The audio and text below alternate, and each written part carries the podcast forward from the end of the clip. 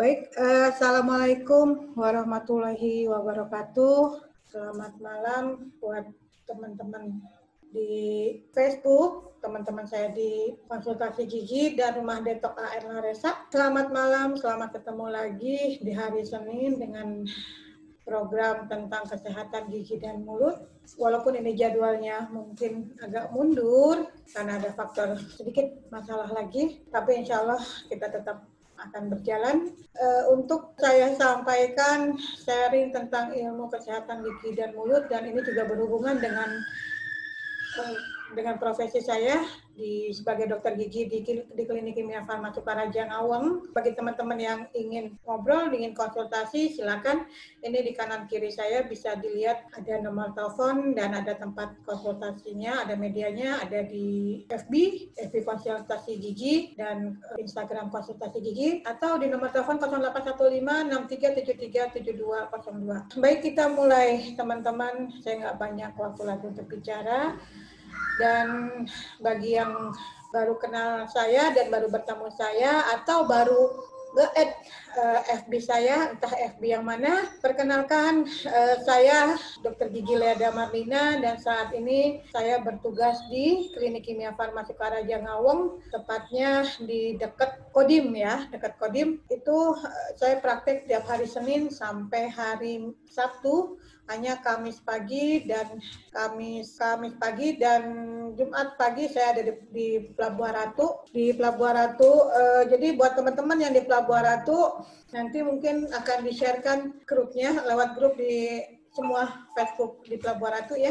Jadi buat teman-teman kalau misalnya ada yang mau ketemu saya, mah nggak bisa datang ke Pelabuhan Ratu di, di hari Kamis sampai Jumat. Jumat pagi saya di Pelabuhan Ratu, kalau Jumat sore saya kembali lagi di Kimia Farmasi Paraja dan hari Sabtu saya pagi uh, praktek dari pagi jam 10 sampai jam 7 ke eh, jam 5 kalau hari lain Senin sampai Rabu saya jam 10 sampai jam 19 tapi kalau Kamis Jumat karena paginya di Pelabuhan Ratu siangnya saya sorenya saya di Kimia Farma sampai jam 7 dari jam 5 ya. Senang sekali walaupun telat walaupun ada sesuatu tadi uh, gangguan tapi untuk program kesehatan karena ini background saya skill saya juga di kesehatan gigi dan mulut saya coba untuk men-sharekan uh, sama seperti yang ada kondisinya terhadap kendala pasien-pasien di tempat saya ya.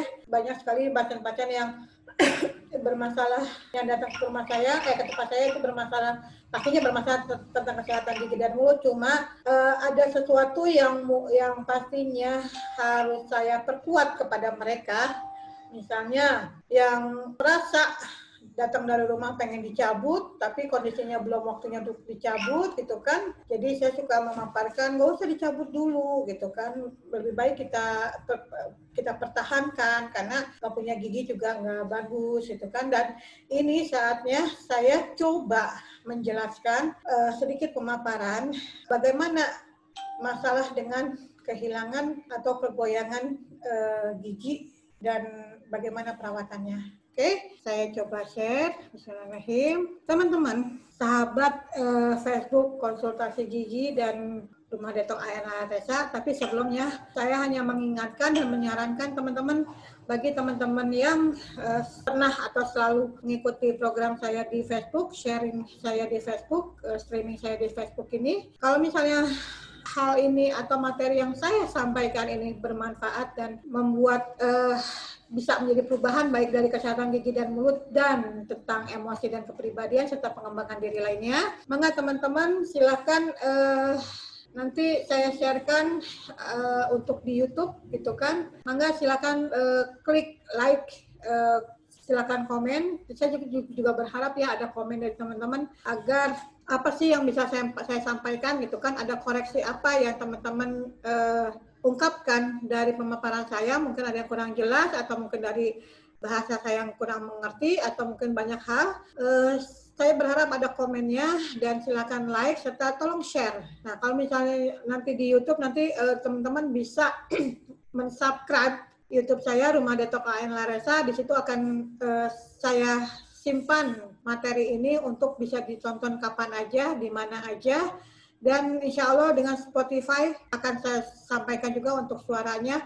Mudah-mudahan ini bisa bermanfaat untuk kehidupan teman-teman ke depan. Dan silahkan lagi, sekali lagi, tolong sampaikan atau sharekan kepada orang yang membutuhkan dan tolong diaplikasikan juga apa yang saya sampaikan, yang teman-teman nanti saya sampaikan, narasumber lain yang saya sampaikan. Mudah-mudahan dengan saya sharing ini dan teman-teman uh, tim saya uh, sharing di Facebook ini bisa bermanfaat dan bisa membuat perubahan terhadap kehidupan teman-teman semua.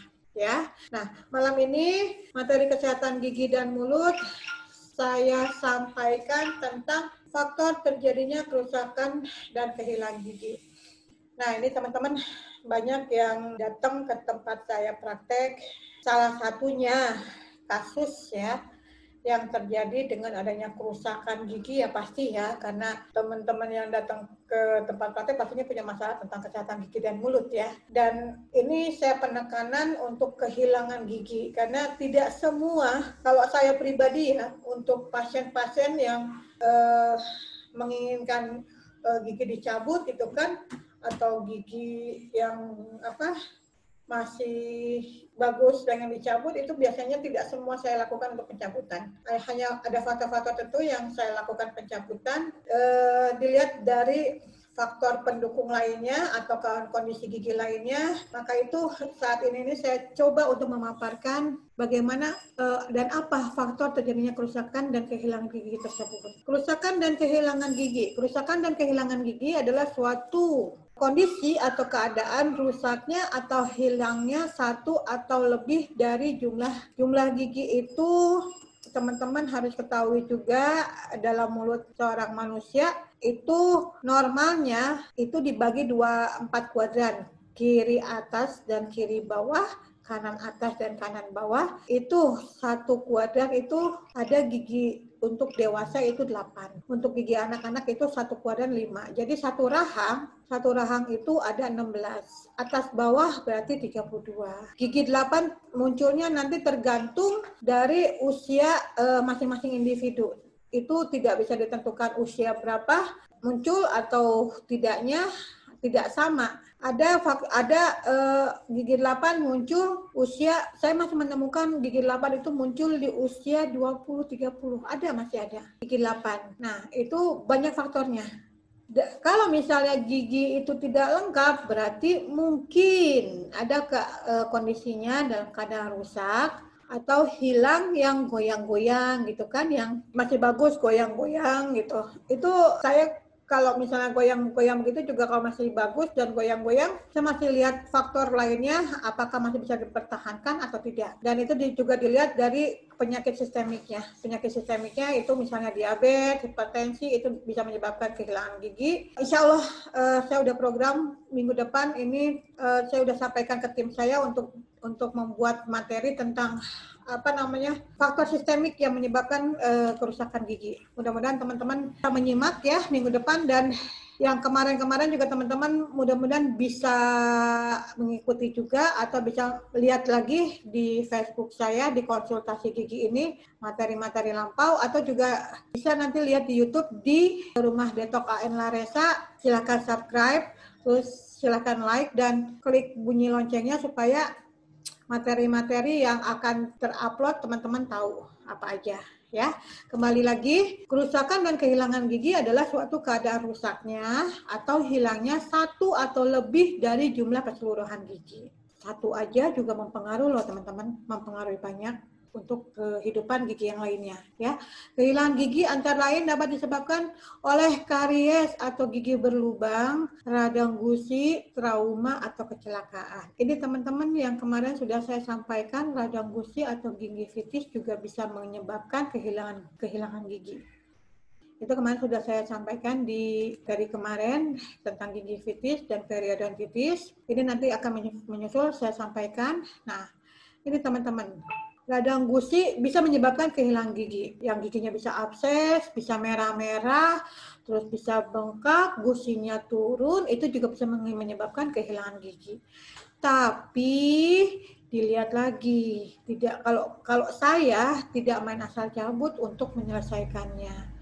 Saya biasanya diolah lagi dari cara menyikat giginya, ditambah lagi dengan uh, apa dengan apa suplemennya atau kalsiumnya gitu kan. Terutama kalau misalnya ada yang memiliki penyakit sistemik itu penyakit sistemiknya dulu yang diperbaiki. Saya ada contoh, uh, saya punya pasien, dia pernah dioperasi, bukan dioperasi ya, tentang masalah kesehatan kesehatannya, dan dia uh, Bapak ini, beliau ini memiliki masalah tentang gula darah dan apa ya saya lupa tuh, hipertensi juga ya. Bahkan beliau ini pernah berobat ke Malaysia entah dengan apa. Katanya di Malaysia dia cukup banyak keluar uang. Alhamdulillah kemarin, oh ya, uh, dia datang ke saya dengan masalah giginya goyang dan ingin dibuat gigi palsu dan ingin dilakukan perawatan pada giginya yang bolong-bolongnya mungkin dia pengennya dicabut gitu kan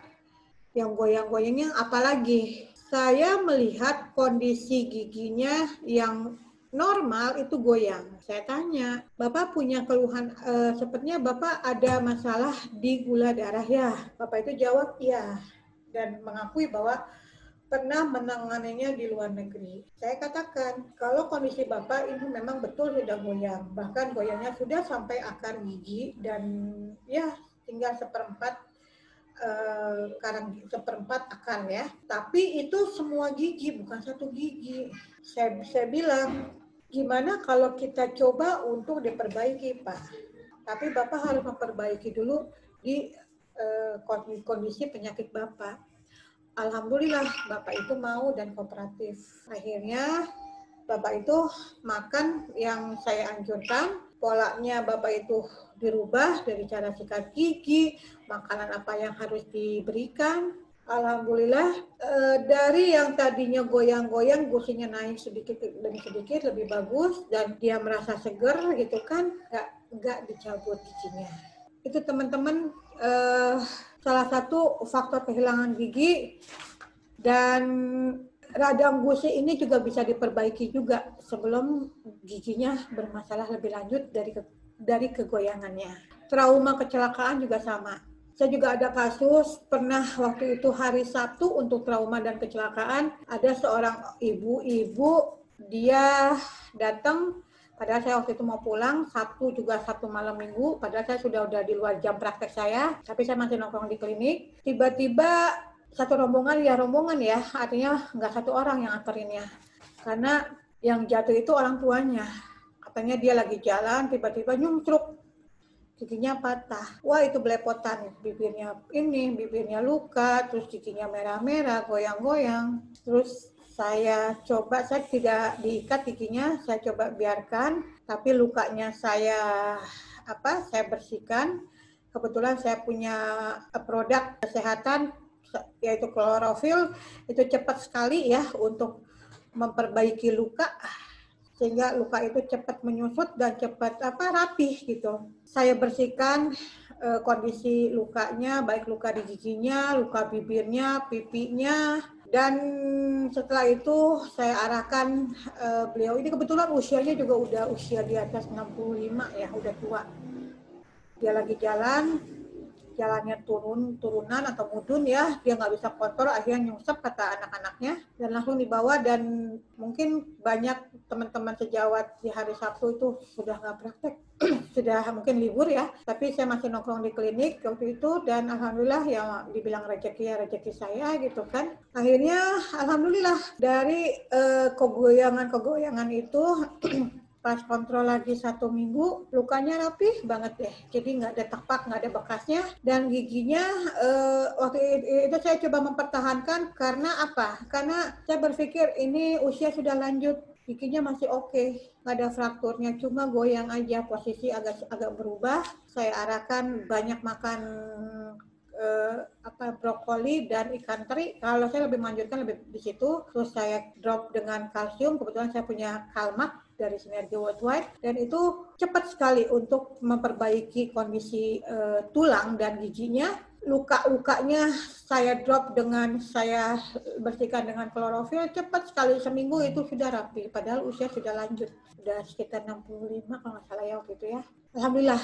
Jadi itu salah satu kehilangan uh, kerusakan dan kehilangan gigi. Tapi kehilangan gigi dari kegoyangan tidak harus selalu di, karena karena gigi goyang aja tapi ada faktor lainnya.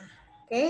Faktor-faktor terjadinya kerusakan dan kehilangan gigi. Menggigit batu es, ketika minum ketika minum sehingga menyebabkan keretakan pada gigi meski retaknya kecil bakteri tetap bisa masuk ke dalamnya dan mengakibatkan kerusakan yang lebih besar. Ini salah satunya. Banyak teman-teman juga yang apa yang seneng ya sama batu es ya dikeretak-keretak gitu kan. Padahal itu ngilu banget dingin banget gitu loh. Tapi ya masih ada masih aja ada yang menggigit kayak gitu kan. Kalau saya kalau batu es kalau udah pasca pencabutan silakan di apa menggigit batu es atau minum air es supaya lukanya cepat kering, lah cepat menciut gitu kan.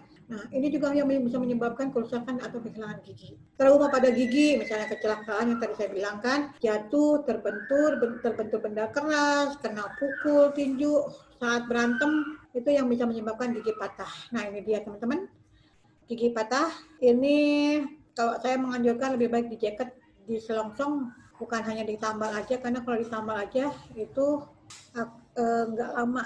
Biasa takutnya nggak lama jadi di selongsong ini di, dikecilin nanti disarung ini dikecilin giginya ini dikecilin itu nanti disarung itu lumayan lumayan capek lumayan mengkhawatirkan juga, tapi ini lebih efektif untuk kasus seperti kayak gini.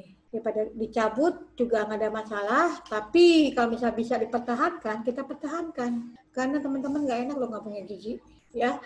E, makan susah, posisi rubah, e, posisi gigi akan rubah gitu kan. Jadi saya lebih suka mempreventifkan atau menjaga mempertahankan semaksimal mungkin kalau gigi itu masih bisa dipertahankan atau bisa ada solusinya untuk bisa bertahan. Ini salah satu faktor terjadinya kerusakan dan kehilangan gigi. Nah, ini faktor lain penyakit sistemik ini mungkin sebagian besok akan minggu depan akan saya bahas. Misalnya faktor diabetes atau kencing manis itu kekurangan insulin itu bisa menyebabkan tingginya kadar glukosa masalahnya di sini. Ini besok akan kita bahas insya Allah.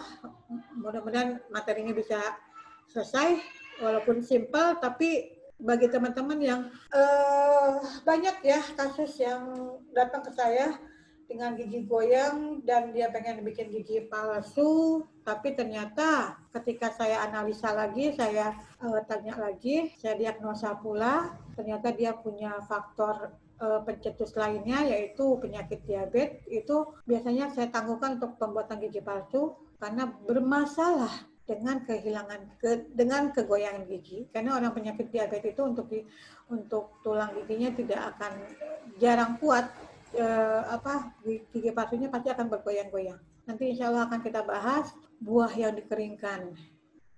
Nah ini juga mengandung asam tinggi teman-teman. Jadi ini juga teman-teman harus dijaga, harus diperhatikan. Teman-teman yang makan cuka juga itu bisa membuat uh, apa ya gigi juga linu lama-lama juga gusi akan akan bermasalah yang akhirnya gigi goyang. Terus teman-teman yang suka makan panas, ketemu dingin, itu juga akan menyebabkan artrisi dan erosi, dan gusi juga akan merusak dan akan rusak.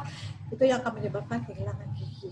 Itu teman-teman minum soda Nah, ini juga teman-teman banyak ini juga bisa mempengaruhi ke tulangnya teman-teman. Sekarang banyak ya minuman-minuman kayak begini. Anak-anak saya suka ngikutin perkembangan anak-anak. Anak-anak saya senang banget dengan minuman-minuman seperti kayak gini. Makanya saya melihat uh, kondisi gigi tulang tulang dan gigi anak-anak saat ini sangat sangat rentan. Karena apa? Salah satunya makanan termasuk minuman ya. Ini juga uh, harus diperhatikan. Yang yang pasti coba dijaga karena kalau saat ini bermasalah pada tulang dan gigi ini setelah usia 40 tahun, 50 tahun itu akan masalahnya akan timbul. Itu udah ompong uh, ompong banyak itu juga akan nggak enak untuk uh, makan kita, untuk pencernaan kita, untuk kesehatan uh, tubuh kita dan organ-organ. Merokok ini juga dapat merusak gigi, gusi dan mulut. Misalnya ada plak gitu kan. Nah, ini yang bisa menyebabkan juga nikotin-nikotin itu akan numpuk di permukaan gigi yang akhirnya uh, hitam-hitam gitu. Dan ini juga zat-zat lain yang berbahaya itu akan mengiritasi rongga mulut. Ini juga teman-teman yang menyebabkan faktor kehilangan gigi. Belum minuman-minuman lainnya, misalnya minum-minum teman-teman yang suka minum-minuman entah apa itu juga bisa menyebabkan kehilangan gigi. Menggemertekkan gigi. Nah, ini kemarin ada pasien e, ibunya istrinya mengeluh karena merasa terganggu kalau suaminya kadang-kadang giginya suka lagi diam ketok ketok ketok gitu kan. Ini kontaknya gigi nih kontak gigi itu uh, sangat nempel bukan nempel ya. Pertemuan gigi rahang atas dengan rahang bawah itu nempel. Sehingga tanpa tanpa sadar kalau digerakkan itu akan menyebabkan uh, bunyi gitu kan yang akhirnya ini jadi mengikis mengikir mengikir. Ini juga jadi bermasalah teman-teman. Ini harus diwaspadai juga. Ini silakan nanti di konsultasikan ke dokter gigi teman-teman atau mungkin bisa ke saya langsung atau bisa konsultasikan lewat WA ada di pemaparan saya ini. Membuka kemasan dengan eh sorry maaf. Membuka kemasan dengan gigi. Ada yang orang yang malas pakai gunting pakai apa dia langsung main ketek tiba-tiba giginya patah atau retak ini juga bisa menyebabkan goyang gigi. Ini harus diwaspadai teman-teman, jangan dianggap sepele untuk masalah ini. Apalagi kalau sudah kehilangan gigi, itu nanti nggak enak lah nggak punya gigi, gigi palsu juga belum tentu enak gitu kan. Jadi teman-teman uh, setelah pemaparan penyampaian saya ini mudah-mudahan bisa dipahami. Jadi mudah-mudahan juga teman-teman juga bisa memperbaiki kesehatan gigi dan mulut dimulai dari diri kita sendiri baru disampaikan ke anak-anak, ke keluarga, ke pasangan gitu kan. Sehingga insya Allah eh, program kesehatan gigi dan mulut teman-teman dan sahabat bisa berlanjut juga pada kesehatan secara holistik, kesehatan organ fisik, kesehatan organ pikiran, mindset juga bisa uh, diperbaiki ya. Ini menyikat gigi harus rajin pagi dan malam kita nonton dulu videonya. Memiliki gigi yang sehat, putih, dan bersih adalah dambaan setiap orang. Namun, ada beberapa kebiasaan yang sering Anda anggap sepele, tapi ternyata dapat mengganggu kesehatan gigi dan mulut. Kebiasaan tersebut dapat berupa tindakan Anda terhadap gigi maupun makanan yang biasa Anda konsumsi. Berikut ini beberapa kebiasaan sehari-hari yang harus Anda hindari agar gigi tetap sehat dan kuat. 1. Merokok. Tak hanya mengganggu kesehatan tubuh, merokok juga dapat merusak gigi dan mulut. Kandungan rokok yang berupa tembakau, tar, nikotin, karbon monoksida, amonia, dan lainnya bisa mengiritasi rongga mulut saat dikonsumsi karena adanya pembakaran. Kebiasaan merokok juga merupakan salah satu pencetus timbulnya gangguan serta penyakit rongga mulut. Gangguan tersebut berupa gigi yang berubah warna, peradangan pada gusi, serta bau mulut hingga penyakit kanker pada mulut. 2. Bernapas dengan mulut. Kebiasaan ini sering kali muncul karena adanya gangguan pada jalan napas atau hidung yang tersumbat, misalnya karena kelainan anatomi hidung atau penyakit-penyakit hidung seperti polip hidung, sinusitis, rinitis kronis, dan pembesaran tonsil di belakang hidung. Dampak yang dapat ditimbulkan ditimbulkan dari kebiasaan ini adalah rahang atas yang menjadi sempit sehingga menyebabkan gigi akan berjejal atau tidak beraturan, peradangan pada gusi serta bau mulut yang tidak sedap. 3. Konsumsi minuman soda.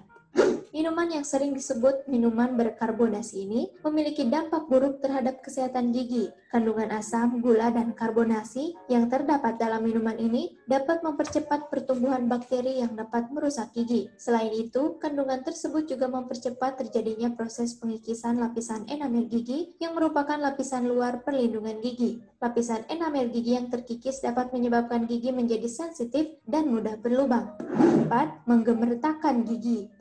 Kebiasaan ini sering juga disebut bruxism. Bruxism sering kali dipicu oleh stres, kecemasan, dan juga frustasi. Umumnya kebiasaan ini terjadi pada malam hari di saat sedang tidur dan tidak disadari oleh penderitanya. Bruxism mengakibatkan kerusakan pada lapisan atau permukaan gigi yang membuat gigi menjadi sensitif serta dapat menimbulkan gangguan pada sendi rahang. 5. Mengunyah hanya pada satu sisi.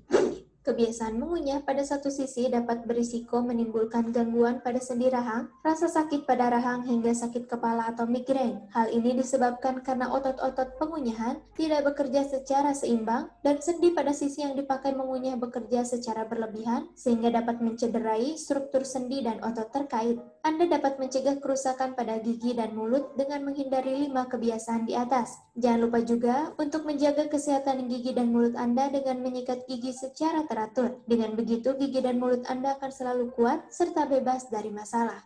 Yaitu teman-teman, eh, faktor terjadinya kerusakan gigi dan kehilangan gigi, ini mudah-mudahan saya sangat berharap ya, eh, yang menonton ini bisa memahami karena dengan terus kehilangan gigi itu tidak enak. Tapi kalau misalnya giginya sudah kadung goyang giginya sudah kadung bermasalah coba dilakukan suatu tindakan.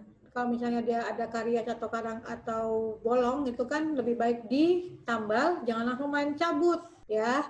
Dan kalau misalnya teman-teman ada yang giginya sudah goyang sudah apa namanya gusinya turun dan dia goyang-goyang gitu dilihat lagi. Tidak selalu gigi goyang itu harus dicabut, walaupun memang ha, indikasinya cabut ya. Tapi kita coba pertahankan, pertahankan dengan diolah lagi dari eh, apa namanya sikat giginya, makanannya, penyakit sistemiknya. Penyakit sistemik itu misalnya diabetes, ada ada hipertensi atau masalah lain itu diperbaiki dulu belum tentu teman-teman hilang gigi itu enak. Belum tentu hilang kehilangan gigi itu membuat kita nyaman dan pede. Jadi eh, coba diperbaiki dulu. Kalau misalnya masih bisa dipertahankan, kita pertahankan. Untuk teman-teman yang ingin bertanya, mangga silakan komen di Facebook ini, silakan uh, share kalau ini bermanfaat dan kasih like, kasih jempol kalau misalnya ini betul-betul bisa menjadikan ilmu buat teman-teman sebagai guide untuk uh, masalah kesehatan gigi dan mulut. Materi ini, uh, video ini akan saya simpan di YouTube. Silakan teman-teman bisa cari uh, YouTube Rumah Detok AN Laresa. Ini nanti insya Allah semua materi yang saya sampaikan di Facebook, live streaming di Facebook, baik konsultasi gigi maupun tentang literasi dan perpustakaan serta terapi IST ini akan saya simpan akan saya upload di Facebook sehingga teman-teman bisa mengulang bagi yang yang tidak bisa melihat atau memiliki Facebook. Ada teman-teman yang masih belum memiliki Facebook, nanti bisa lihat di YouTube Rumah Detok AL Laresa atau uh, insya Allah nanti saya sharekan juga di Spotify itu teman-teman bisa mendengarkan materinya tanpa melihat videonya. Mudah-mudahan ini bisa menjadi kelanjutan kehidupan teman-teman yang menjadi lebih baik lagi. Konsultasi gigi, Facebook konsultasi gigi, dan Rumah Detok AN Laresa akan terus memberikan, insya Allah memberikan sharing kesehatan secara holistik dimulai dari kesehatan gigi dan mulut tiap hari Senin besok eh, Selasa itu tentang literasi dan perpustakaan dan hari Rabu tentang eh, terapi EFT.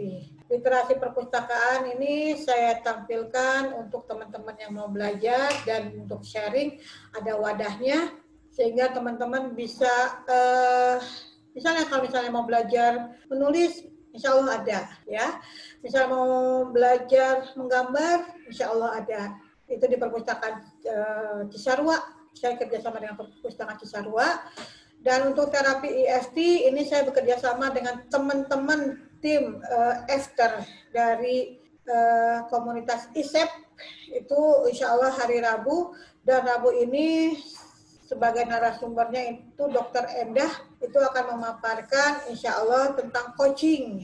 Jadi teman-teman eh, yang punya masalah tentang pikiran, tentang hati, tentang emosi, ketakutan, trauma, atau apalagi ya banyak hal nanti bisa Eh, teman-teman simak di hari Rabu insya Allah bersama Dokter Endah itu sudah saya jadwalkan. Dan kembali lagi silakan teman-teman uh, ikuti subscribe. Jangan lupa klik tanda loncengnya di di uh, YouTube sehingga apa yang kita upload nanti itu bisa teman-teman ulang, teman-teman baca lagi, teman-teman bisa pelajari lagi. Dan kalau ada yang ingin konsultasi silakan hubungi yang terpapar ada di deskripsi atau di 081563737202 atau bisa lewat inbox di FB konsultasi gigi dan rumah detok AN Laresa bisa juga mempelajarinya juga materi ini di FB konsultasi gigi dan Instagramnya. Uh, atau penasaran pengen ngobrol langsung silakan datang ke klinik kimia farma Sukaraja. Kita juga terima BPJS ada nomor uh, nomornya uh, apa namanya ID-nya ya. Udah saya paparkan. Jadi insya Allah semua akan menjadi lebih baik lagi. Sekali lagi insya Allah akan membaik lagi dan kehidupan kita akan lebih terang lagi. Jadi faktor pandemi uh, COVID ini bukan jadi halangan untuk kita diam, tidak berkreasi atau kita stuck, stuck, stagnan, menangis, mengeluh, tapi kita coba untuk terus eksis, berkarya, dan berbagi. Karena dengan berbagi, insya Allah hidup akan menjadi lebih baik lagi. Ini teman-teman, ini kanan kiri kanan kiri saya ada uh, nama saya dan link saya. Mudah-mudahan ini bisa sekali lagi bisa manfaat. Silakan share rutin kita Senin jam 19.30 harusnya ya tapi tadi agak telat. Harusnya 19.30 besok literasi perpustakaan dan hari Rabu terapi EFT ya. Sekali lagi terima kasih untuk yang sudah menonton. Terima kasih yang sudah menyimak. Dan kita ketemu minggu depan Sampai ketemu lagi. Assalamualaikum warahmatullahi wabarakatuh.